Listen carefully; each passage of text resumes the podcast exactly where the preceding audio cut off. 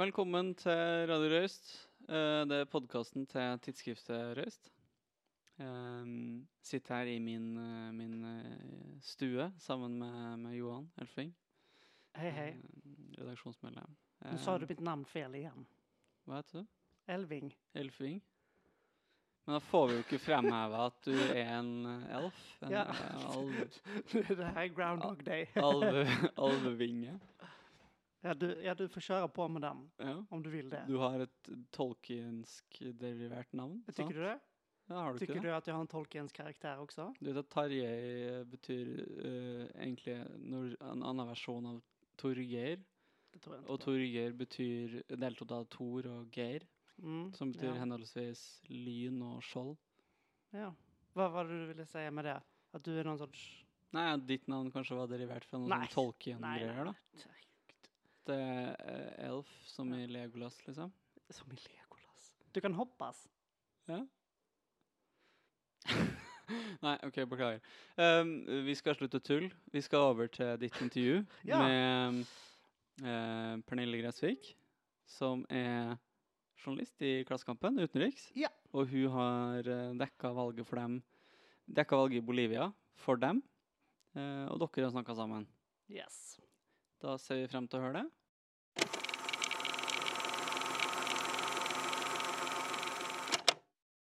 Jag sitter här med Pernille Fjørtoft Grøsvik. Eh, Pernille studerer for nuvarande master i sammanhängande politikk vid UiB. Och du har også jobbat som urriksjournalist i Klassekampen av og til de eh, senaste två åren. Välkommen till, eh, välkommen till Radio Røyst. Takk for det. Takk for at jeg fikk komme hit. Ja, det er veldig trevligt. Um, anledningen att du er här är för att prata om det som hände på söndag. Vi spelar in idag den 20 oktober, tisdag. Och i söndags så eh, avhölls det då val i Bolivia i Sydamerika. Eh, och det har ju nästan gått ett helt år sedan var, valet i fjol där eh, då socialisten Eva Morales blev eh, borttvingad från, eh, från makten efter 14 år som, eh, som president.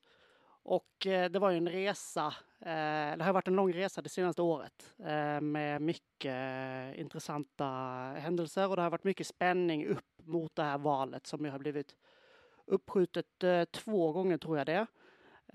Och det är ju så mycket, mycket att prata om här. Det är liksom den historiska utvecklingen, den moralen som person och Morales som ledare för den här socialistiska bevägelsen MAS.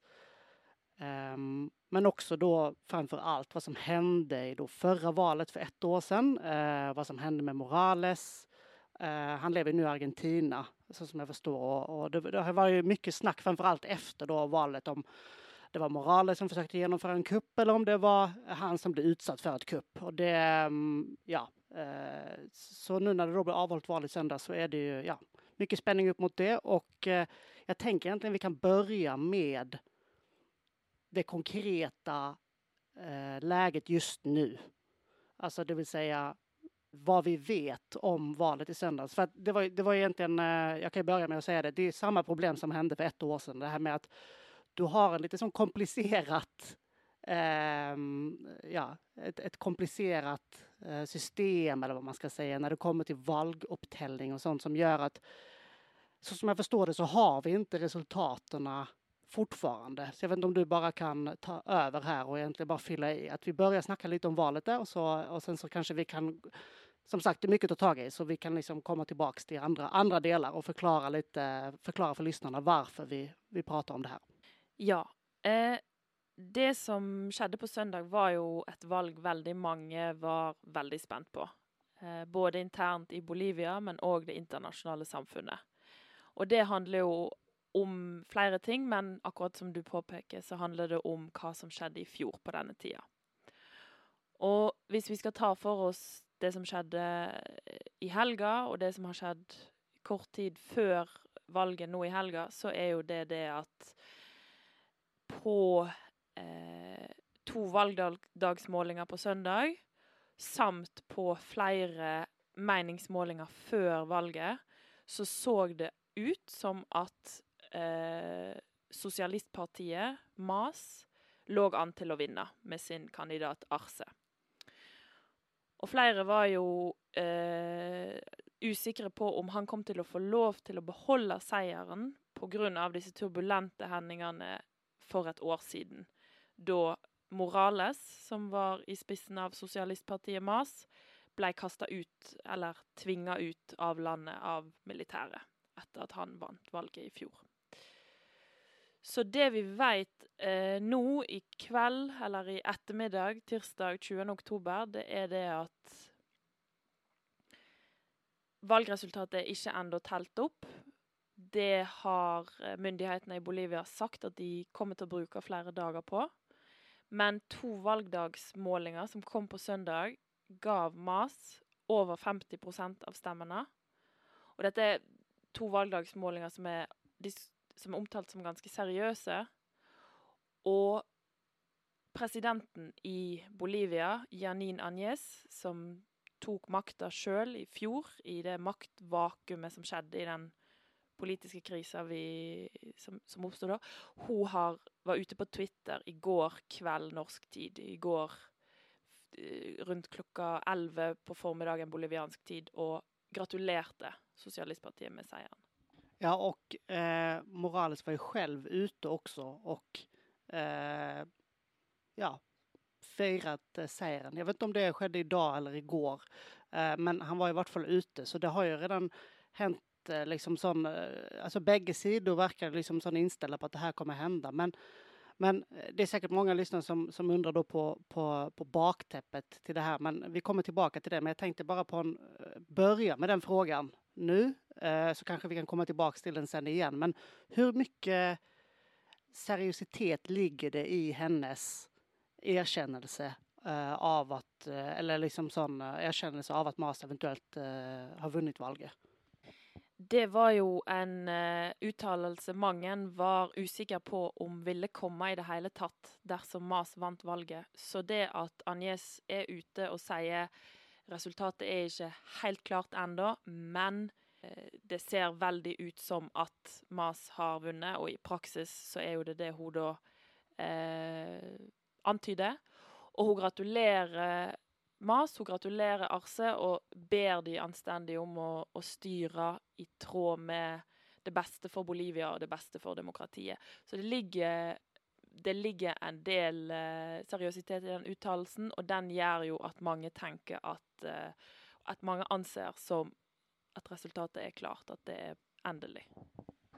For anledningen til frågar er jo eh, på bakgrunn av det som hendte i fjor i valget, når du ju hade ett, ett ingripande eller liksom en, en sorts, eh, både i gatorna men också från då politiker och från delar av det internationella samfundet, en, en reaktion på det som hände som, som de menade att ja, det är den andra sidan som har spelat fult och därför har vi rätten till att ingripa för att vi har då eh, Bolivias demokrati liksom, det är, vårt, eh, det är det viktigaste eh, framför våra ögon.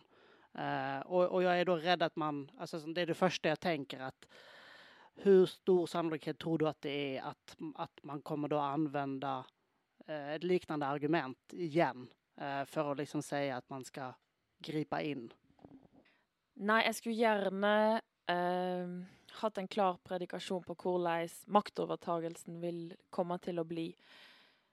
I utgangspunktet så tenker jeg jo at det ser lovende ut for Eh, demokratiet i Bolivia. Eh, dette har jo blitt omtalt som en seier for det bolivianske demokratiet at høyresida, som tok makta i fjor, nå ser ut til å være klar for å gi den til de som da vant valget.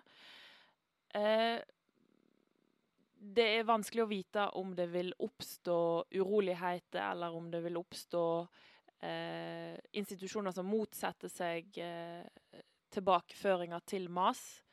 Det må nesten bare tida vise. Men det Anja sier nå, gjør jo at hun sender et signal om at eh, tilsynelatende at de skal respektere valgresultatet. Ja, for en del, en, del, en del, av meg tenker at det kanskje er liksom hun må si uansett. Men, men, det er jo um, Vi har ikke sett noen tegn på demonstrasjoner eller, eller voldelige protester og sånt i gatene. Så det, det, det är ju någonting väldigt annorlunda än det som hände vid förra valet. Och jag, tror, jag tror att vi har teasat det förra valet alldeles för länge. Jag tror, jag tror att det är många som, som minns. Men eh, det är kanske fler som inte vet och, och de som kommer ihåg det här kanske har, har, har eh, glömt detaljerna lite. Så jag vet inte om vi kan börja med att gå tillbaka till eh, ett år tillbaka i tiden och prata lite om, om val, valet och valresultatet i 2019. Um, jag kan ju bara dra det väldigt fort och så kan du gärna komma med eh, liksom komplementerande information. Men i väldigt, väldigt korta drag så var det som hände i fjol som sagt, det var val eh, och eh, i Bolivia så är det så att du har en första runda där du har många kandidater och i den, eh, eh, man går inte då vidare till den andra runda om den ledande kandidaten får över 40 procent av stämmorna och får 10 procent eh, fler stämmor än, än, än nummer två. Eh, och det som da hendte rent konkret eh, på valnatten er at det kommer sånne her valglokalsmålinger eh, som plutselig då stannade upp. Eh, de slutade å oppdateres under kvällen, eh, boliviansk tid, lokaltid. Og da stoppade de opp, og sen så tror jeg at det gikk et par timer, eller det gikk i hvert fall en stund Og sen så når de her eh, då eh, eh eller när de, de, nya siffror kom in och uppdaterades, då gick det från att då Morales inte ledde med 10 procent till att han gjorde det. Och då var ju till exempel eh, delar av liksom internationella samfundet, bland annat, eller främst ledd av eh, Organization of American States, som vi kan komma tillbaka till lite senare, vad det är för, för gäng. Eh, och internt då som menade att det hade då uh, vært valgjuks. Og da blev det jo en del opplopp i gatene Uh, dagen etterpå. det var veldig mye usikkerhet om hva som skulle hende. Uh, og det slutade opp med at uh, militæret sammen med representanter da, i, i, politiker fra högerextrema partier tog makten og egentlig kastet ut Boliv Morales. Eh, det er en sånn veldig kort fortelling, og du må gjerne fylle i den historiefortellingen om du har noe å legge til. Ja, jeg tror eh, jeg har lyst til å begynne litt lengre tilbake, litt før valget. Fordi at dette var jo et valg det var knytt ganske mye spenning til eh, i utgangspunktet. Morales I fjor på denne tida så hadde han sittet som president i, eh, i Bolivia i over 13 år. Og han ville gjerne stille til valg eh, enda en gang, som Mas sin eh, presidentkandidat. Og for å ha mulighet til å gjøre det, så måtte han endre grunnloven. For den begrensa han. Han kunne ikke sitte i en periode til. Og da lyste han ut eh, folkeavstemning, eh, og resultatet der det ble et eh, nei-flertall. Marginen var ikke veldig stor, men det var nei til å, å la han endre grunnloven og la han stille. Og likevel så bestemte da ei grunnlovsnemnd at det var å krenke hans menneskerett å ikke la han få stille. Og denne nemnda, det må presiseres, den er primært satt sammen av et organ som er kontrollert av MAS-politikere, altså politikere fra Morales sitt parti. Eh, så da har vi altså da opptak til en valgkamp hvor Morales stiller som MAS-kandidat. Han har vært president i 13-14 år og er veldig populær i Bolivia, men han er òg en veldig han er en veldig personalistisk karakter. Mye av eh, politikken eller eh, imaget til Mas er bygd rundt Morales som person. Og når han da stiller i valget mot hovedmotstander Mesa, Carlos Mesa, som er fra Høyre sentrumsparti, så eh, er det mange som lurer på hvordan dette skal gå. Og da går det egentlig inn i tid til der du plukker opp tråden med at det er usikkerheter rundt tallene som plutselig hopper i oppdatering, og som stopper opp. Og Organisasjonen for amerikanske stater, som er valgobservatører, de kommer med en foreløpig rapport. Altså det er ikke en ferdig rapport, men de publiserer en foreløpig rapport med mange formuleringer som underbygger mistanke om at det er valgfusk. Og nå er folk allerede veldig bevisst og veldig eh, oppmerksom på eh, avvik i prosessen, og dette her gir rett og slett drivstoff til en, en politisk bølge av protester, eh, som senere utvikler seg til storstilte protester og demonstrasjoner mot Morales, fordi det blir da skapt en overbevisning om at det har skjedd valgfusk, som gjør at han eh, leder. For han vinner presidentvalget. Han får flest stemmer. Og denne OAS, eh, Organisasjonen for amerikanske stater, eh, publiserer en endelig rapport litt seinere, og den konkluderer da med at uh, i tallene og i datasettene så ser det ut som det er valgfusk. Og store internasjonale aviser som The New York Times, for å nevne ei, uh, skriver om valget, henviser til rapporten og sier at det var valgfusk. Og det skjer i ei tid hvor uh, Bolivia allerede er i ei politisk krise pga. valget.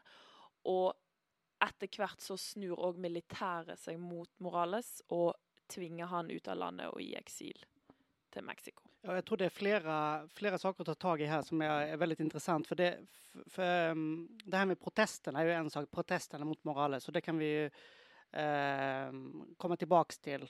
For det er jo sånn Hvem er det, de som demonstrerer? Og, og, det, og det tenker jeg jo går, går tilbake til de større konfliktlinjene innad i Bolivia.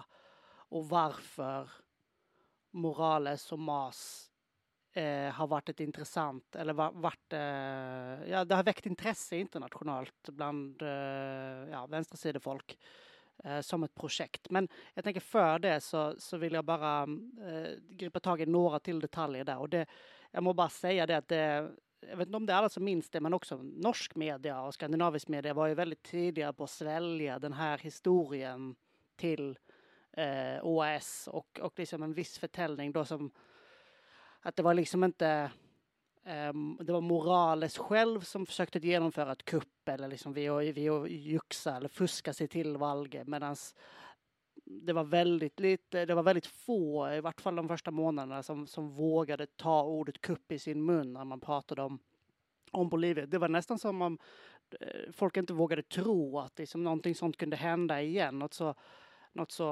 självklart. Liksom. Vi er vant oss vid at Latinamerika i de siste årene har liksom haft en liksom backlash. Eh, jeg vet ikke om det finnes et godt norskt ord for det, men en backlash mot den her eh, rosa bølgen som man gjerne snakker om på, på, i början på 2000-tallet, der du hadde Lula i Brasilia og um, Chavez i Venezuela og, og, då, og Morales i, i, Bolivia, som eh, vekte liksom et internasjonalt hopp om, om en venstre liksom en, en demokratisk, eh, og kanskje ikke så demokratisk, venstreside. Men um, det jeg tenkte på var bare at det her med at eh, det verkar som folk ikke vågade tenke seg at men kupp i Latinamerika, det er noe som hände på 70-talet liksom, och det hender ikke i vår tid liksom. Men det, det, ja, det var jo det som skjedde. Eh, for det er jo det som var veldig tydelig og som kanskje ikke da kommer fram så mye i media er jo hur de här som tog över makten, hur de betedde sig i det att de tog över och vilken politik de sen förde. Jag vet inte om du kan snakke litt uh, om det? Ja, det kan jeg gjøre. Og aller først så må jeg bare presisere at den rapporten OAS eh, publiserte om at det var eh, valgfusk, den ble tilbakevist eh, av bl.a. The New York Times, som tidligere hadde eh, publisert den og sagt at det var valgfusk. Sånn at eh, ordet kupp og det å, å, å, på en måte omtale det som faktisk skjedde rundt presidentvalget i fjor i Bolivia som et kupp, det tok litt tid før det internasjonale samfunnet og media eh, ja, rett og slett forsto hva som hadde skjedd. Og når Morales da ble eh, pressa ut av landet, dette var i begynnelsen, midten av november i fjor, så så plutselig Bolivia eh, Janine Agnes utnevne seg sjøl til president. Og hun var en ganske eh, ukjent politisk dame i utgangspunktet. Hun har vært senator for forskjellige partier på høyresida. Eh, er utdanna jurist. Og sånn i øyenfallene så er hun jo ganske ulik Morales. Hun er hvit og har eh, lys, lyst hår. Og dette her er jo et veldig sånn klassisk bilde på eh, disse dype konfliktene og skillelinjene i Bolivia. Og den politikken Agnes har ført, det er eh, Det er jo eh, noe ganske annerledes enn det Mas sto for.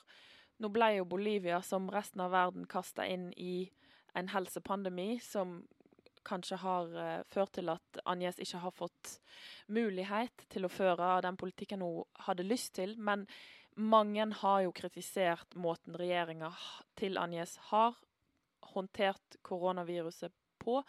Og mange peker jo òg på at de har hatt veldig dårlig, veldig lav popularitet. Fordi det har eh, hopa seg opp med døde kropper i gatene i Bolivia. Og helsevesenet har vært helt i knærne, og det har rett og slett vært stått veldig dårlig til. Um, jeg kan jo nevne et eksempel på korrupsjons, en korrupsjonsskandale som har vært en del omtalt, som en av flere. Og det blir det omtalt som uh, respiratorsaka, hvor helseministeren til Agnes, uh, en ganske uh, uttalt mann på Twitter, bestilte masse respiratorer, bl.a. fra Spania og Kina og hvor det da ble avdekka at han hadde betalt uh, mye mer Regjeringa hadde betalt mye mer for disse respiratorene enn hva den reelle kostnaden var, og at mellomlegget det hadde gått i lomma på uh, politikere. Sånn at uh, det er flere som peker på at regjeringa har brukt pandemien til å berike seg sjøl og sine egne medlemmer. Og de har ikke gjort noe god figur i eh, Bolivia, selv om mye av media der er veldig Har eh, dyssa ned på voldsbruk. For det har jo kontinuerlig vært mye demonstrasjoner og protester mot regjeringa i løpet av korona i løpet av det siste året. Selv om det har vært begrensninger på bevegelighet osv., så, videre, så har det vært en stor folkebevegelse som har ønska valg. Fordi Agnes har jo lova jo først å lyse ut presidentvalget i mai, og så utsatte hun det til september, og så utsatte hun det til oktober. Sånn at det har jo hele tida vært stor motstand, og det har vært stor eh, opinion mot det. Og regjeringa har klart dalt eh, i popularitet. Eh, også det faktum at Agnes nevnte seg sjøl til president i fjor, i maktvakuumet som oppstår, eh, og sa at hun lova å ivareta demokratiet i Bolivia.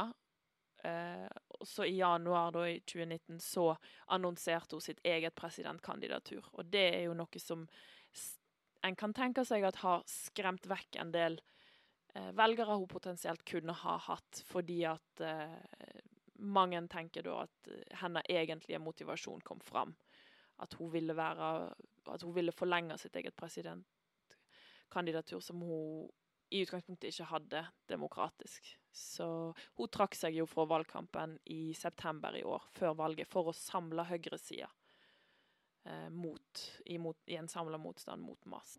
Ja, en annan, en annan sak jag tänker på också med, med framförallt hon då och med högersidan är liksom vem hon är och var hon kommer ifrån liksom, och vad hon står för. Och det, jag tror att många fick med sig de eh, liksom bilderna av när, hon, när de tog över makten. Det var ju ett ganska våldligt uppgör. Liksom. Det var ju nästan som tribunalbilder vi såg i fjol där eh, ja, altså eh, Høyt högt politikere og, og dommere blir liksom nästan fört inför någon slags krigsdomstol av maskerte menn med, med vapen i handen. Jeg vet ikke om du kan, kan utdype litt om det og litt om hva altså, Utdype litt mer sånn var, hva er det de kommer fra? Eh, for jeg tror at det er mange som ikke har fått med seg hvor utrolig extremt det er, og hvor stor extrem motsetning det er. og det, och det, det, är en sak att de inte har eh, kunnat föra igenom den politiken och en annan också att de inte har de har liksom, de, hon, hon fick ju bara 5% i meningsmålningarna. Eh, det kanske säger någonting om, om vad egentligen folket i Bolivia tycker. Eh, och eh, kanske du kan också berätta lite om den här, eh, alltså de politiska konfliktlinjerna mellan by och stad och mellan urfolk och rätt og slett vita, mer høyreekstreme element i, i, i byene. Ja, det er dype skillelinjer som eh, manifesterer seg i politikken i Bolivia. For Bolivia er på mange måter et veldig delt land. Det er jo ett av veldig få land i Latin-Amerika hvor en anser at flertallet av befolkningen har urfolkbakgrunn. Eh, og av dem så er det flere grupper. Eh, en av de største er Aymara. Og både Morales og Arce, som nå er Mas sin presidentkandidat, er, har enten urfolksbakgrunn til Aymara eller tilknytning i sosiale bevegelser fra, i Aymara-samfunnet. Og Agnes hun kom jo inn, som eh, jeg nevnte tidligere, som på mange måter det stikk motsatte fra Morales. Hun er utdanna jurist. Og Morales er jo tidligere kokabonde og fagforeningsleder.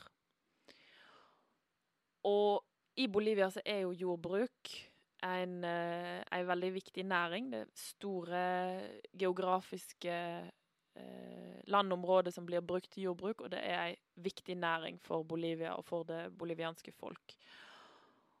Og det som er hovedskillelinjene i Bolivia, er jo nettopp dette med eh, by og land, eh, urfolk og hvit. Og veldig ofte så er det å være eh, fra byen, eh, f.eks. fra Santa Cruz, som er en, et industrielt sentrum eh, sørøst i Bolivia, synonymt med det å være høyere utdanna eller det å være hvit. Og der står høyresida sterkt. Eh, MAS betyr jo eh, bevegelse mot sosialisme. Og det som er litt spesielt med partiet, er jo at de har ganske sterk forankring til grasrotbevegelsen. Flere av politikerne og eh, de sentrale medlemmene av MAS, inkludert Morales, er mennesker med bakgrunn i eh, fagforeninger eller i rett og slett bønder fra landsbygda. Og det som har vært litt spennende i presidentvalget nå eh, på søndag, var jo det at Arce, kandidaten, han er litt unntak for det, for han er utdanna økonom og kommer fra La Paz, fra byen i Bolivia. Eh, men han var jo da finansminister under Morales og står bak dette økonomiske mirakelet, som det ble, gjerne blir kalla. Eh, denne stødige økonomiske veksten som er helt unik i latinamerikansk sammenheng, hvis en sammenligner eh, de siste 15 årene i regionen. Så han fikk til noe veldig unikt i Bolivia. Og Mas fikk jo, sånn som det ser ut nå, veldig god oppslutning. Det var over 50% av stemmene. Det kan òg nevnes at i Bolivia så er det obligatorisk å stemme ved valg. Eh, det er jo selvfølgelig lov å stemme blankt, men det kan jo være greit å ha med i betraktning når en tenker på høy oppslutning. Og Agnes, som har vært president nå i ett år, og Mesa, som var den høyresideskandidaten som fikk flest stemmer av de ulike på høyresida, representerer jo det andre Bolivia. Eh, det Bolivia som ønsker å føre en mer eh, liberal eh, finanspolitikk. Det Bolivia som er mer lojal til Det internasjonale pengefondet. Og, og det Bolivia som ønsker å ha et tettere samarbeid med USA. Og mange i Bolivia har nok ønska at de disse politiske tankene skulle få sitte med makta, fordi Mas har jo da hatt presidentmakt i Bolivia i eh, de siste 13 årene, hvis du ser vekk fra det siste året. Sånn at det har nok eh, Det er mye som tyder på at det har bygd seg opp en, en stor misnøye. Og riktignok så er jo dette en minoritet i, i, Bolivia, hvis vi ser på populariteten Mas fortsatt har. Um, det som har skjedd det siste året med dette, bare for å avslutte, er at vi har sett ei djupere polarisering, og vi har sett at denne forskjellen mellom eh, urfolkssamfunnet, aymara-samfunnet eh, og den hvite, eh, den hvite høyresidepolitikken, hvis en kan kalle det det, er at det har vært mye mer voldelig rasisme. Retorikken har vært mer prega av vold og hat. Eh, Agnes har jo blitt beskyldt for flere hatefulle Twitter-meldinger. Eh, og ifølge internasjonale gravejournalister og faktasjekker, så er det ikke alle disse Twitter-meldingene som stemmer, men hun skal ha tweeta mellom annet at Aymara-ritualet er sataniske. Og det handler jo om det du nevnte med at hun kom inn som president med denne bibelen. For religion er jo nettopp ett av symbolene på hvor delt Bolivia er.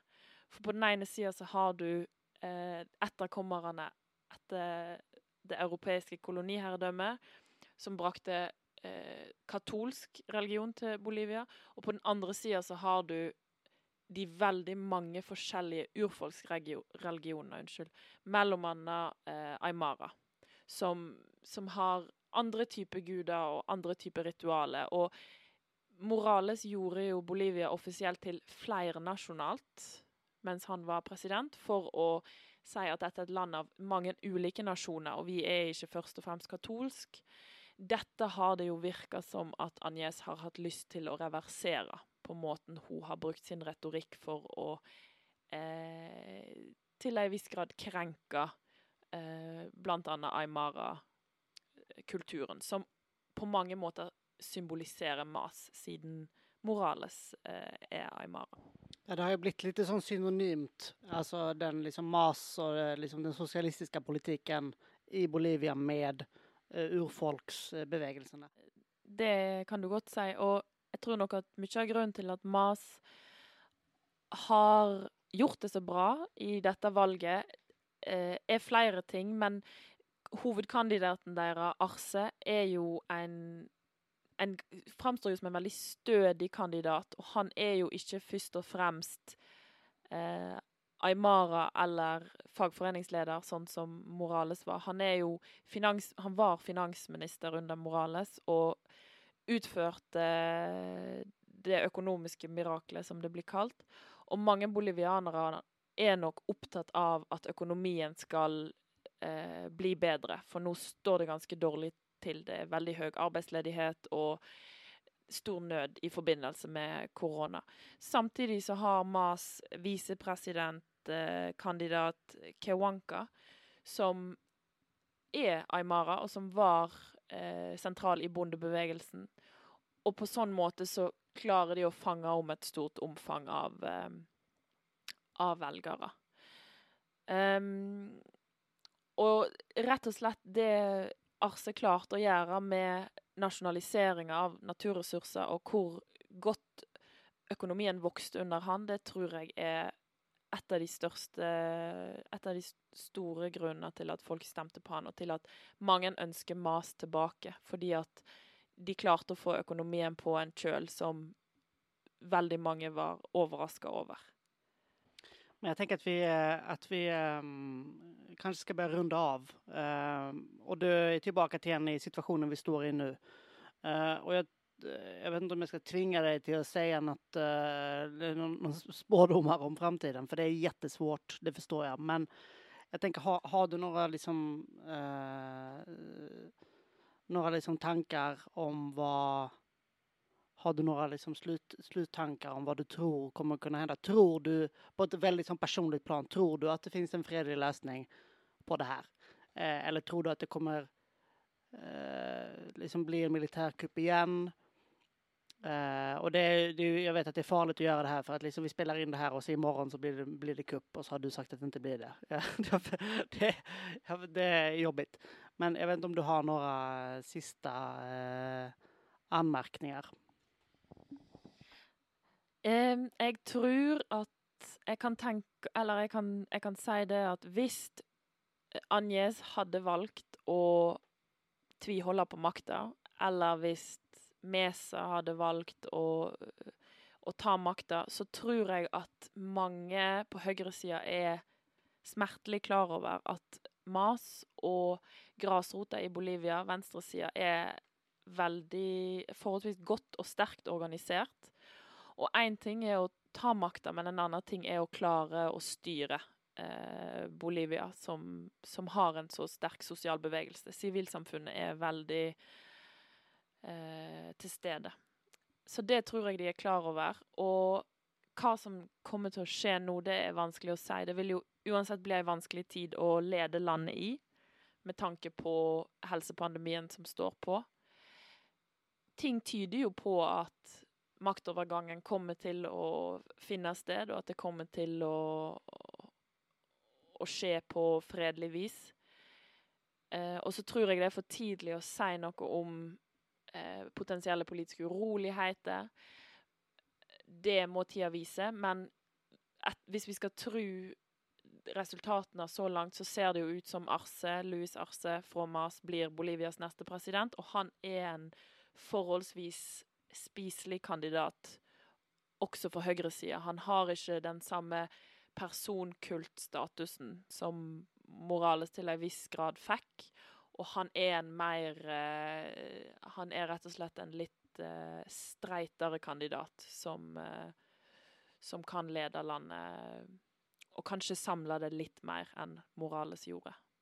Ja, for uansett hva som hender nå fremover, så er jo det her en sorts Ja, de, de, har jo egentlig Oavsett hva som hender fremover, så har de jo tatt tilbake makten, så å si. De, de, de ble, Mars ble jo på et sett frastjålet det, og nå har man ju via igen demokratiska medel tagit väck en antidemokratisk eh, president som gjorde väldigt mycket, eller ett styre som gjorde väldigt mycket för att, för att eh, behålla den makten. Så ja, vi får bara se. Men du, väldigt trevligt att du eh, ville vara med på det här. Så kanske vi eh, inviterar dig en gång i framtiden när saken utvecklar sig eh, mer. Tack för att jag fick komma. Tack.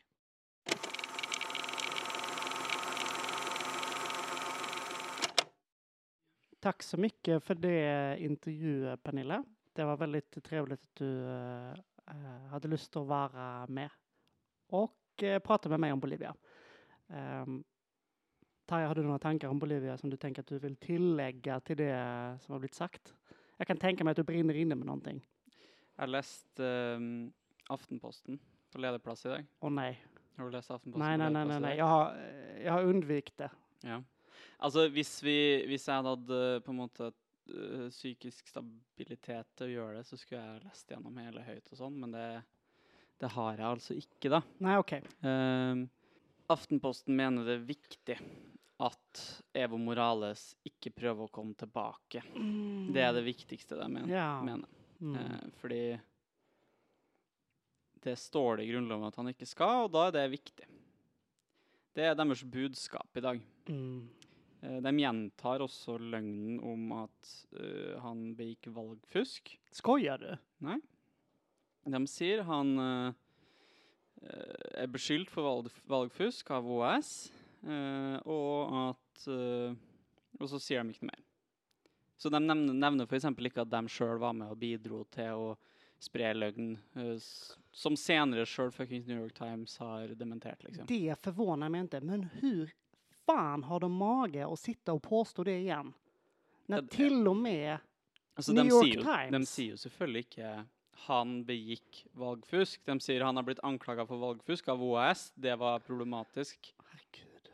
Hvilke jævla Men det er, liksom, ja, altså, det er jo sinne for mission. Sant? Altså, det er jo det du ikke sier, som har noe å si. Oh my god! Ja. Jævla ja. Men, og, er de ute for å provosere, eller? Ingen anerkjennelse av at de på en måte har bidratt til et kupp på, på den lille, knøttlille indirektermåten de kan, og ditt og datt. Nei, så det er det jeg tenker om Bolivia. Men jeg vil snakke om noe annet. Ja. Hva da? Hva er det du tenker på? Hva jeg tenker på? Ja, nei, altså um, Jeg fortsetter på temaet gruppechat. Er det sant? Ja. Fordi gruppechat er åpenbart um, fellesmateriale. Og jeg tar, opp, glad. jeg, ja, jeg tar opp litt av den problematikken som vi snakka om forrige gang, sant? Med, med hva som blir sagt i gruppechat og sånne type ting, og hvor, hvor farlig gruppechatter egentlig kan være. da. Ja, så kul. Ja. Um, for de aller fleste de fikk med seg denne eh, ganske oppsiktsvekkende saken om at en gjeng høyreekstreme hadde satt seg mål om å kidnappe delstatsguvernøren i Michigan, demokrat. Ja. Eh, på bakgrunn av at hun da angivelig hadde ja, ødelagt staten deres gjennom typ sånn Koronatiltak. ja, lockdowns og sånne type ting. ja. Eh, og NRK skrev om det her. De skrev f.eks. at militsen sitat, uh, bl.a. planla å ta mange gisler og var beredt til å ta liv. Ehm, det var jo på mange måter en slags bekreftelse på, for på en måte både Altså alt fra den anstendige høyresida til den, den radikale venstresida på at den her eh, trusselen som, som nynazistiske eller fascistiske eller rasistiske grupperinger eh, på, på ekstremhøyre utgjør. Eh, så mens de på en måte før har begått masseskytinger og sånne type ting, så er de nå liksom beredt til å drive med sånn eksplisitt politisk terror da, med konkret påvirkning på, og det var deres mål, bl.a. valgkamper. Og ikke minst det at de var organisert som en milits. Mm. Og liksom mitt poeng er jo ikke å nedspille denne trusselen, det er det ikke. Men at uh, i den saken her, da, så er det litt mer komplisert. OK, for så mye, mycket, så mycket kjenner jeg faktisk ikke til denne saken. Jeg fikk det jo med meg, jeg leste om det, men jeg kan ikke si at jeg døk dök ner i det spesielt dypere enn så enn å tenke at ja, der har du enda en tokig högerextrem milits i USA som är crazy. Och de har vi ju sett, eh, alltså de har ju funnits i många, många tio år. Men, men, eh, men eh, du menar alltså att det finns mer, eh, det finns mer av den här historien som inte kommer fram, eller är det? Eh, ja, eller det kommer jo fram, eh, og det er det som er det interessante. Fordi at uh, påtalemyndigheten i USA har nå på en måte gitt ut eh, Lagt ned sin påstand om hvorfor de her skal straffes. Lagt ned? Men, altså, Altså, de, har presentert det dokumentet som Ja, blir okay, sendt ja. til retten som en tiltale, da, ikke sant? Som, som dokumenterer en god del av eh, hva de blir sikta for, og sånne type ting, men også hva som er hovedbevisene i saken og Så, videre. så du kan på en måte kort sagt si at det her er da påtalemyndigheten sin eh, oppsummering av de vesentlige trekkene i saken, eh, inkludert en god del eh, bevis og sånne type ting. Men när hände det här? Hände det förra, förra veckan? Jag, tror all, jag har liksom inte... Nå er vi i Nei, altså, alltså, de det har hände ju nu i höst. Ja, det var, det var, de ble vel tatt i slutten av september, starten av Ok, ja. oktober. Um, de hadde planer om å gjøre ting rett før valget. Um, og de som er på en måte veldig interessert i her, de kan høre på en av mine favorittpodkaster, som heter uh, A-Lab. For Mm. All Lawyers Are Ja, Bastards. det är väldigt Eh, bra namn. Ja, vet. De lager en episode hvor de gjennomgår de her saksdokumentene. Uh, så hvis man vil liksom gå gjennom mer i detalj, kan man høre den. Den er kjempemorsom. Uh, jeg skal bare nevne eh, det jeg syns var det morsomste. Og eh, for å gi en sånn kjapp oppsummering av saken, så er det snakk om et plott blant en gruppe mennesker. Um, de har vært liksom veldig sprikende til ulike tider. Eh, det er ikke noe fast tall som blir lagt til grunn, men det er i hvert fall snakk om fem stykker som er liksom hoved... eh, Fem? ja, Bare fem? jo, men, som, jo, men greia, de her fem er dem som nevnes i dokumentene Ja. som mer eller mindre dem man går etter. Og De skulle da begå et terrorangrep, de skulle kidnappe guvernøren, og så skulle de etablere en ny stat basert på, Wow. på, på grunnlovstillegget The Bill of Rights. Eh, Okej. ja, eh, så det er jo et dårlig utgangspunkt i utgangspunktet. Altså, The Bill of Rights er jo en, et, eh, et tillegg til Grunnloven. Så Mm. det gir ikke så mye mening uten Grunnloven, men OK. Eller den amerikanske konstitusjonen. Men de ble i alle fall avdekka av FBI, og så ble de arrestert, da. De var merkelige folk, alle sammen. Altså, for å si det rett ut, altså, de var helt åpenbart idioter. Ja. Altså Jeg skal bare gi en god del eksempler. Altså, nå, nå, nå begynner jeg på en måte litt en gjennomgang av et par uh, de her s- saksdokumentene. Uh, shoot. For eksempel så, så ble de alle sammen, når de møttes, har bedt om å levere fra seg telefonene sine når de møttes. Eh, men det var ingen som sjekka om noen hadde på seg en wire. Så de var sånn Lever på deg telefonen, men ingen annen sjekker. Um, så du får liksom sånne her sitater i det her dokumentet. Fox, som da kommer til å være navnet som FBI bruker om han er hoved, den viktigste personen, egentlig. da. Collected all of their cellular phones in a box and carried them upstairs to prevent any monitoring.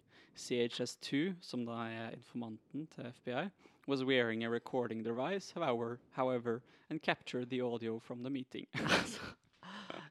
Idioter. Altså, senere, De er på riktig de er dumma altså, altså, øh, senere så har de prøvd seg, for de har hatt masse sånne treningsleirer. da, sant? For de er jo jo bare gutter som har Ja, lyst til ja, å ha oh, noen andre Er det, er, men liksom, er det incels vi, Ja, vi snakker altså, om ja, her, de er- som, som, nei, som, altså- som har gått sammen? At de har liksom Endelig så har, har, har du haft liksom en, eh, en utvikling av, uh, av incel til å liksom finne ihop og lage noe i lag? Er det jeg, det? Jeg, jeg tror det, det er et element av det, men jeg tror det først og fremst kanskje er snakk om mer sånn den her boomer QAnon-gruppa. Ah, Uh, altså typ, uh, det du kanskje kunne kalt patrioter og liksom våpenfanatister, da, ikke sant? Ja. Uh, altså på et tidspunkt så det er mye overlapp der. ja, forsøkte de å lage en, en bombe. Sitat 'using black powder, balloons, a fuse and BBs for shrapnel BBs', liksom soft. Ja, Ja, ja, ja. Eh, Croft, som er en annen person, og Garbin, som er en annen person, and the militia group member attempted to make a second IED, altså bombe, using similar components. The construction of the devices was faulty, and they did not detonate as planned.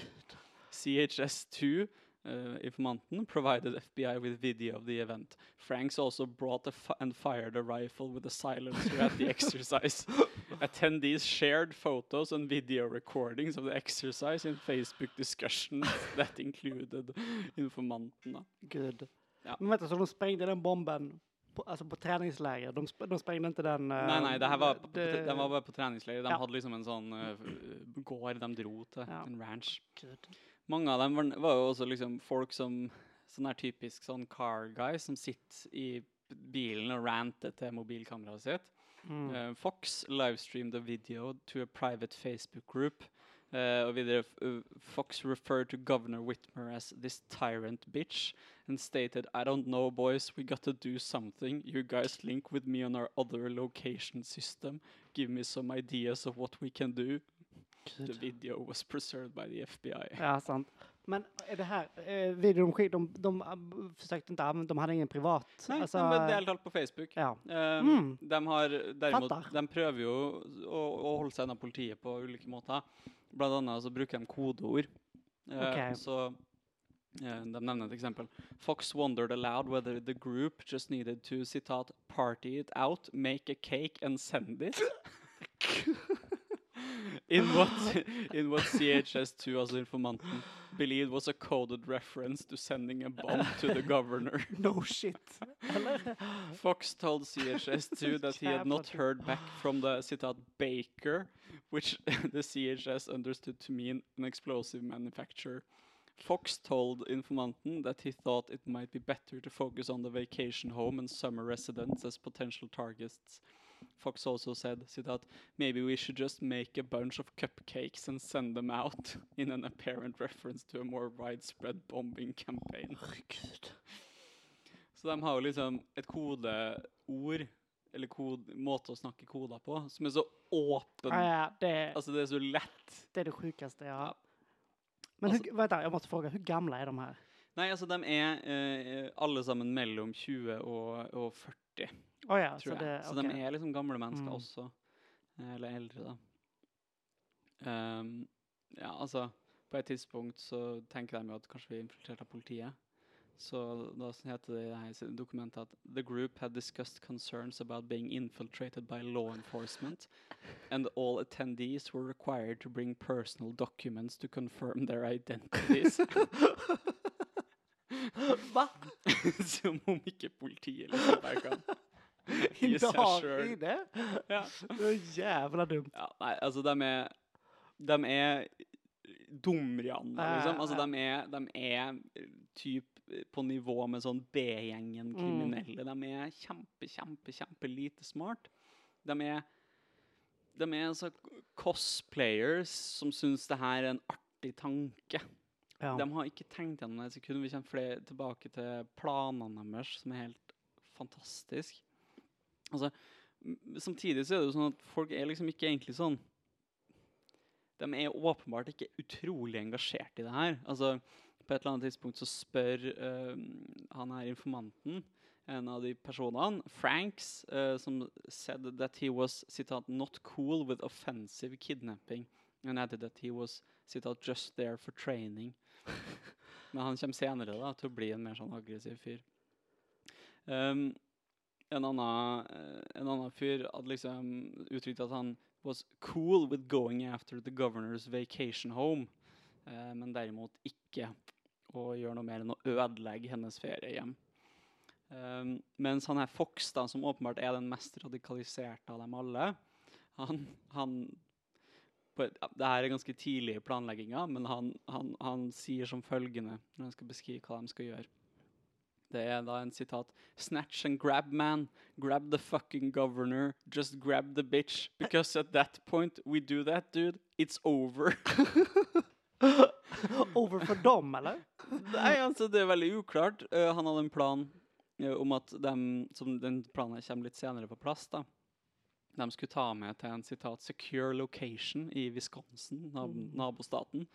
Uh, og da, da var det essensielt at de kjente sitat 'the layout of the yard, homes and security'. Fox stated that they needed to map out the surrounding property and gates, and they needed plumbers and electricians to, to help them read blueprints to refine the strategy.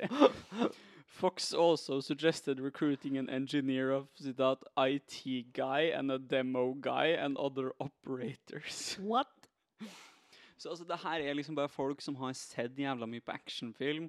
Han tror han trenger å se på blueprints fordi han har sett på Prison Break, og han tror det må være sånn som i Oceans Eleven, med liksom hver fyr av en sånn spesialisert alla, oppgave. Alle, alle, har en spesialitet, så du måtte kalle inn. Ja. Nettopp. nettopp. Og han, en annen fyr, han er Frank, som jeg nevnte i stad.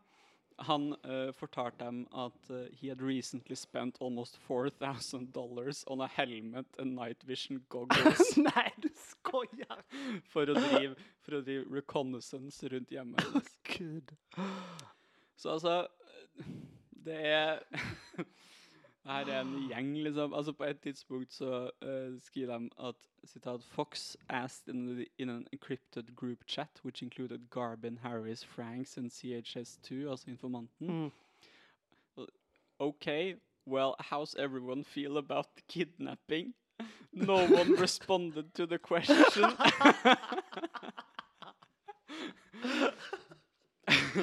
Så jævla kul.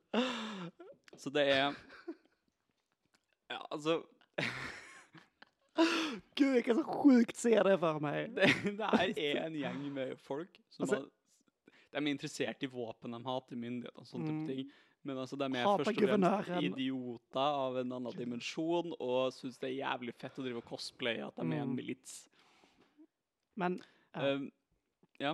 Nei, nei, det var bare han. uh, Altså, det, det men det er jo sånn klassisk sånn minisekt, sånn folk som liksom att det ligger i andan. Jag var liksom inte förvånad när det här hände, men det är liksom sånn at jeg hadde forventet meg at det skulle være lite mer seriösa folk enn det her. Jo, men og, altså, de planene jeg nettopp snakka om, de ender opp med å gå tilbake på dem. Så de, de klarer ikke å huske sine egne planer engang.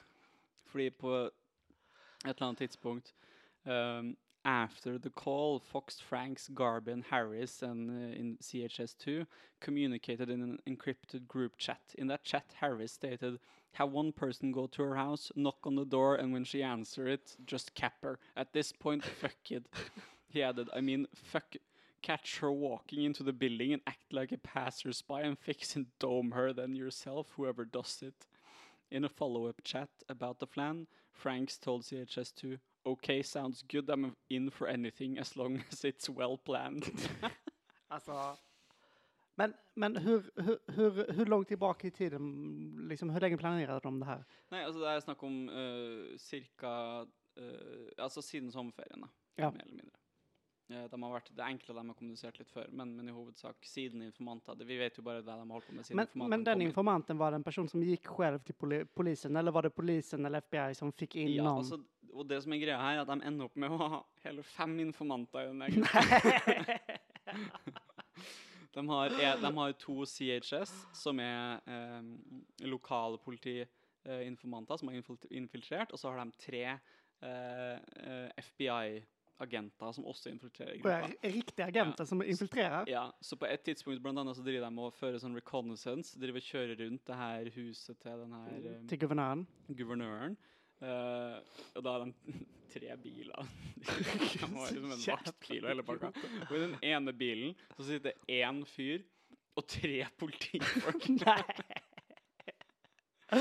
Det her likner jo sånn, altså sånn det som er sånn eh, Democratic Socialist of America, eller sånn ML-bevegelsen på 70-tallet, der det er sånn hverandre medlem er sånn sikkerhetspolitifolk og informant. Ja, og, altså, og det som jeg syns er interessant med det jeg nettopp sa i stad, for det var det jeg siterte fra det i stad, så skriver de at Franks told CHS2 i en samtale om andre mellom Franks og denne informanten. Eh, så den her informanten tar jo åpenbart da kontakt med Franks for å forsikre seg om at han faktisk er med. Og liksom skriver et eller annet, eller sier et eller annet som så Franks svarer OK, sounds good til. Mm. Um, Er det sånn fellende ja, for de vil ha bevis her, ikke sant? Uh, og senere, så etter at de har kjørt litt rundt i denne, under denne reconnaissance-greia, så, så spør han her CHS2 uh, sitat 'Everybody down with what's going on?' Så bare liksom for å få folk til å bekrefte at de er med. Uh, og det er også uh, FBI-agentene som på en måte får dem til å begynne å vurdere ideen om at de skal uh, fordi de har sett for mye actionfilm, selvfølgelig. Men ta altså bombe ei bru som eh, fører inn til der, der feriehuset Hvorfor da? For, å- Nei, for å stoppe de, de, Ja, sånn at politiet, når de følger etter dem, ikke klarer å ta å se efter? Ja. Så de skal bombe Det, altså, den her men det her er sånn Mission Impossible, Ja. James Bond Og det er også. F F FBI sier, forteller dem også at det vil koste 4000 dollar å kjøpe nok eksplosiver, og prøve å få dem til å kjøpe eksplosiver. ja, for å Og liksom prøve ja. å få bekreftet. Og så er det jo viktig da at uh, gjennom hele det her så er det jo nettopp påtalemyndigheten som presenterer sin del Mm. saken, og den vil jo gjerne redusere sin egen innflytelse. For du har jo ikke lov å drive med for hard provokasjon. I Norge så er vi eksempel veldig strenge på det. I USA er de ikke like strenge. jeg, jeg, jag, tänkte, var nesten litt forvånet her at de forsøkte uh, gjøre det. Jeg tenker det, det er en sån eh, väldigt uh, sjablonmessig liksom, forståelse av amerikansk politi, politi fra min sida. Da. Men at jeg tenker at de bare liksom planter en bomb og så er de sånn Ja. Got you! Men, uh, Jo, men- det virker som om de ennå forsøkte her. Og, det, det er akkurat det. Altså, og nå går jeg på en måte over mot mer sånn Altså, som sagt, din, man eh, kan din høre poäng. Ja, man kan høre litt på denne podkasten A-Lab hvis man vil høre mer, for det, det er bare 16 sider, men det er så mye gull der. Ja. Nei, jeg har ikke hørt den episoden så det må, må få göra. Og dem um, Som de også er inne på i den podkasten, så er det jo her åpenbart et tilfelle av I alle fall i en viss utstrekning politiprovokasjon. Ja. Uh, hvor mye det er, det, det er umulig å vite, men, men Men her eh, så var det jo mange infiltratører som deltar i, eh, i eh, hele prosessen. Um, og de prøver liksom å få dem til å gjøre ting som gjør at de kan bekrefte Mm. at det var intent til å, eller forsett om å begå terrorisme. Ikke sant? Og Nej, för hur långt kom han egentligen? Alltså hur nära var det liksom precis innan de skulle göra någonting Nei, sjukt de tog dem? Eller var det bara att, de, att, att polisen eller FBI gav upp? Och liksom... uh... nei, altså fordi når de ble sikta, Ja. eh, så var det siste steget i planen deres, uh, det FBI hadde tatt dem for, det var at de hadde begynt å samle inn penger til å kjøpe de eksplosivene til 4000 dollar. Ja. Og så hadde de i tillegg flytta den siste, for de skulle ha liksom en siste treningsleir da, før de begikk begikk. er ikke så sjukt, at jeg får sånne bilder av de träningslägren. ja, ja, men det er nøyaktig som du ser det for deg, garantert. Ja. Og da, um, da, da hadde de flytta den litt lenger frem i tid, så at de skulle rekke å kidnappe før valget. da. Uh, og da gikk FBI liksom omsider til aksjon. Um, altså, og det som er mitt poeng først, er jo det at du har en historikk med politiprovokasjon. som du har vært inne på, med særlig liksom kommunister fra, fra 50-tallet og fremover, hvor Ja. informanter og, og agenter har infiltrert radikale bevegelser eh, og ødelagt dem fra innsida. Eh, men også har du også den, det som jeg nesten syns er verre til tider. Det er jo måten man har eh, holdt på eh, i USA mot særlig da muslimsk ungdom eh, i, i USA. Eh, et, liksom det, det verste eksempelet, som er, som er velkjent, eh, er en, en eh, 19 år gammel amerikansk somalier, eh, Mohammed Mohamud, som FBI mente at nesten da hadde bomba en juletrefest i Oregon. Eh, og, og når den saken på en måte først slapp, så var media sånn FBI har redda tusenvis fra døden eh, fordi han her 19-åringen ikke eh, begikk denne bombinga. Eh, men så viste det seg jo i etterkant, når flere av sakens dokumenter kom fram, at eh, ikke bare var det FBI som hadde gitt han bomba, men de hadde også brukt måneder på å groome han basically, til å begå denne terror, denne terrorangrepet.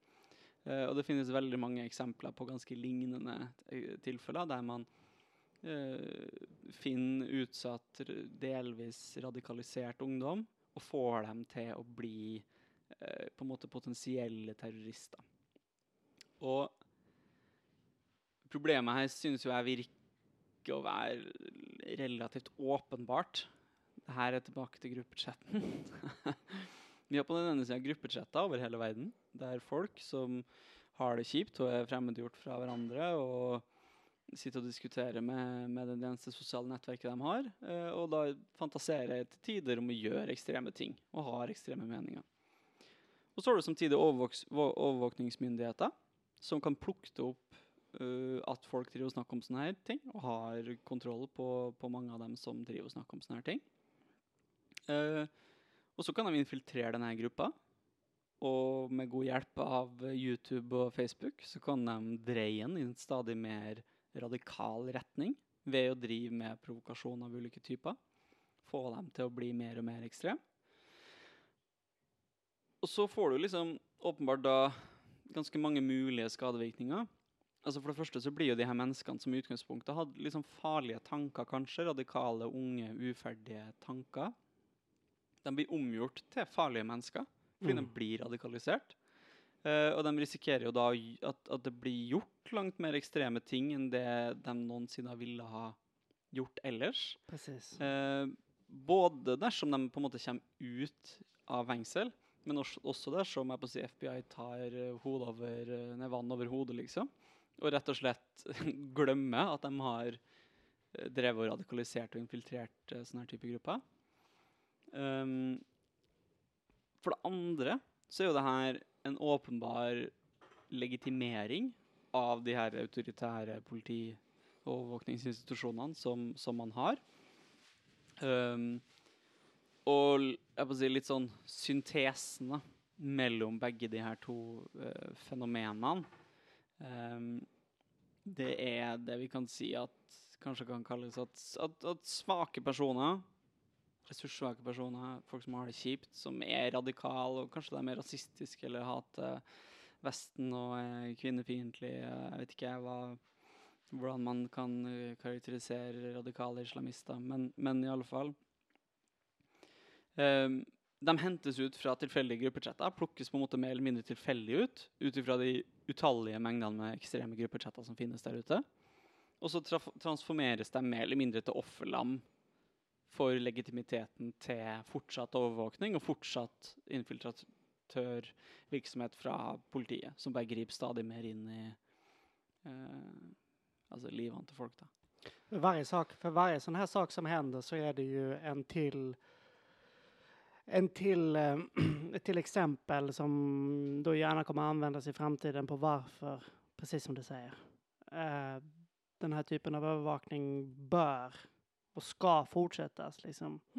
Och det är ju inte så att vi i den närmsta tiden kommer gå bort från det här eh, nya liksom fundamentala teknologiska elementet i våra liv som är eh, kanske inte vi kallar det sociala medier, men liksom ja, det, det, man kan gärna kalla det det. Men det är som jag, jag ser inte att det i de närmaste åren kommer det kommer komma en kulturell eller liksom ekonomisk backlash eh, på att vi kommer liksom all, alla kommer en masse stänga ner Facebook liksom. Du, Mm. du stänger ner Facebook för att starta upp Instagram. Alltså det är världens enklaste, eh, vad heter det, eh, generalisering jag håller på med nu. Men poängen är ändå att det är ju, eh, oavsett om det är Facebook eller WhatsApp eller TikTok, nu var jag väldigt boomer på mig där, men, men eh, oavsett vad det är så kommer det här fortsätta och eh, det är inte så att övervakningskapitalismen eh, är på väg bort. Eh, snarare tvärtom. Jag tror att de flesta liksom för att dra ett makroperspektiv så är det så att ja, först så fick man höra att eh, man var en konspirationsteoretiker om man pratade om övervakning och sen så kom hela NSA-skandalen som det har nästan blivit en kliché att säga det här, men det har blivit en kliché att säga det, men det är ganska skrämmande hur fort det gick att folk accepterade den nya verkligheten. Att det var väldigt sån, åh jävlar, och sen så hade det blivit lite sån, so what? Mm. Um, ja. Jo, og, og, og jeg tenker jo også at man kan mm, En ting er på en måte overvåkningskapitalismen som si, den ene sida av det her, men, men man kan også snakke om eh, en annen lengre liksom, tendens da, eller utviklingstrekk, Mm. eh, som på fagspråket omtales som den, den preemptive strafferetten. Ja. Eh, altså Den gamle strafferetten tar jo på en måte utgangspunktet den skal reparere forbry forbrytelsen. Den skal straffe etter at noe har skjedd. Eh, og etter hvert så har på en måte politiets virksomhet i stadig større grad blitt retta mot å forhindre at noe straffbart skjer i utgangspunktet. Og, og det er liksom Det er jo kobla egentlig litt også til, til venstresida sitt, sitt veldig og, Men også mange liberale, vil jeg si, eh, som har et mantra om at vi må ha en mer human eh, strafferett. Eh, hvor man med human da mener at man skal ha en rehabiliterende eh, og preventiv strafferett som forhindrer forbrytelser. Eh, og det her er på en måte utgangspunktet bra. altså Kriminalomsorgen den, den bør jo f.eks. være preventiv, og du bør straffe folk fordi det skal liksom avskrekke og sånne type ting. Du kan liksom ikke si at du skal straffe folk fordi det de gjør er moralsk galt, og de fortjener straff. Det, kan, det har vært en kritikk da av strafferetten fra venstresidehold. ja. Eh, men så Klassisk. ja, men så er problemet da at politiet og sikkerhetstjenesten sin virksomhet har i stadig større grad blitt fremadretta på samme måte som kriminalomsorgen har blitt. sant? Kriminalomsorgen skal rehabilitere forbryt forbryteren sånn at han ikke begår forbrytelser igjen. Politiet skal på samme måte på en måte prøve å forhindre fremtidig straff. da. Men det kanskje likner mer sånn på sosialhjelp, da, mer enn sånn kriminal, men det kanskje var det du menade, men der kriminalvården er ett, en side av det, men den andre siden er sånn jo men vi skal forebygge eh, forekomsten av straff gjennom eh, ja, altså, ja, preventiva liksom, sosiale virkemidler. Ja, og jeg Det er det du, jeg det, er det du sikter til? Sant? Ja? Sondringa som jeg mener man kan gjøre, er mellom forbrytelse eh, og straff. Og jeg mener man skal være preventiv i måten man straffer på. Straffen skal begrunnes preventivt. Mm. Mens hva som er forbrytelser, hvordan vi forholder oss til forbrytelser, altså handlingene som blir gjort, Ja. det kan ikke være basert på eh, på rene utilitaristiske grunner, for å si det på den måten. Der, der må vi hva, hva menar du da? Med, hva, vad tänker du? Vi, vi, vi, vi kan ikke tenke at vi skal ha et straffesystem som skal forhindre forbrytelser. Det kan ikke være formålet med straffesystemet vårt, og hvilke ting vi straffer. For jeg kjenner at det er en diskurs det, som er ganske dominerende, der den Ja. tankesettet ja, det er ganske dominerende, helt, altså, helt enkelt. Det, er, det, det, är så det skal funke. Det er hovedbegrunnelsen for avkriminalisering av narkotika. Ja. Og jeg er enig i avkriminalisering av narkotika, men jeg mener ikke at det er et godt nok grunnlag, egentlig. Fordi problemet med den typen, med den logikken, det er nettopp at det som har skjedd med politiet, er at du spesielt i ledetog med overvåkningsteknologi har fått en ekstrem utvidelse av hvor omfattende strafferetten er. Sant? Fordi at du skal drive opp og, og, og straffe folk og kunne bruke politiet sine virkemidler før det er begått noe straffbart. Det er eh, problematisk. Jeg får lyst til å si at strafferetten, hva vi straffer, Hva sa du? Hva, hva vi straffer og hva vi bruker politiressurser Ja, på, ja, ja. eh, det bør handle om noe så nesten banalt som de tingene som er hellige i vårt samfunn, for å bruke det, det uttrykket. Wow. Ja. moralisten Tarjei. Ja, nei, men her må vi etter mitt syn være litt sånn moralistisk. fordi hvis vi lener oss på den her utilitaristiske greia, så er det så lett å si at politiet må jo ha utvida fullmakter. For hvis ikke så klarer de ikke å forhindre terrorisme eller ulike typer av lovbrudd. Men altså rent, rent for å, med sikte på å forhindre terror, så er det ikke effektivt hvis politiet prøver å overvåke og infiltrere eh, gruppa. Det, det liksom Det er ikke en, det er ikke en du tenker at. Det er et eh, utilitaristiskt motargument også, i Ja, form av ja. at det faktisk ikke er effektivt. Nei, det, forsøkte bare å spille litt djevelens advokat. Hva en person hadde sagt der som hadde vært sånn Hva? Skal vi ikke forhindre terror? Nej, Eh, vi, som ju men- är stämningen i eh, samhället eftersom det på den sista åren har vi gått in i och lever fortfarande i en sån där extrem terror. Vi skal forhindre terror, men vi skal ikke forhindre terror utelukkende på de måtene som er de dummeste måtene, de verste måtene å gjøre det på. Det, ja, det godt, godt gott,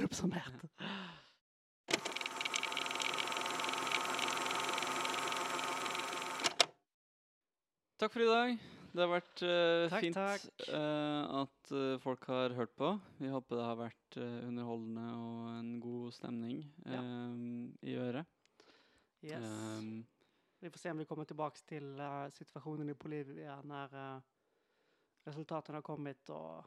Aftenposten har dementert sin egen eksistens. ja, Ja, ja vi, får, vi får håpe at det blir noe av det. Ja. Mm. OK, ha det bra. Hei då.